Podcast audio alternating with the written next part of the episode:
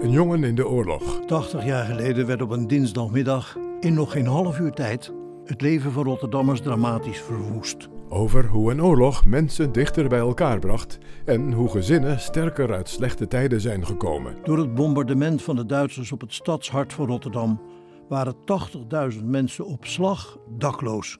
Wat betekende dat voor een doorsnee Rotterdams gezin? Een jongen in de oorlog. De jongen in de oorlog was Koos Postema. En dat ben ik. In deze podcastserie van Dick Klees vertel ik mijn verhaal.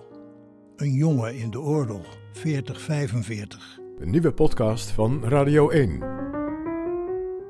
Ik kan het navertellen.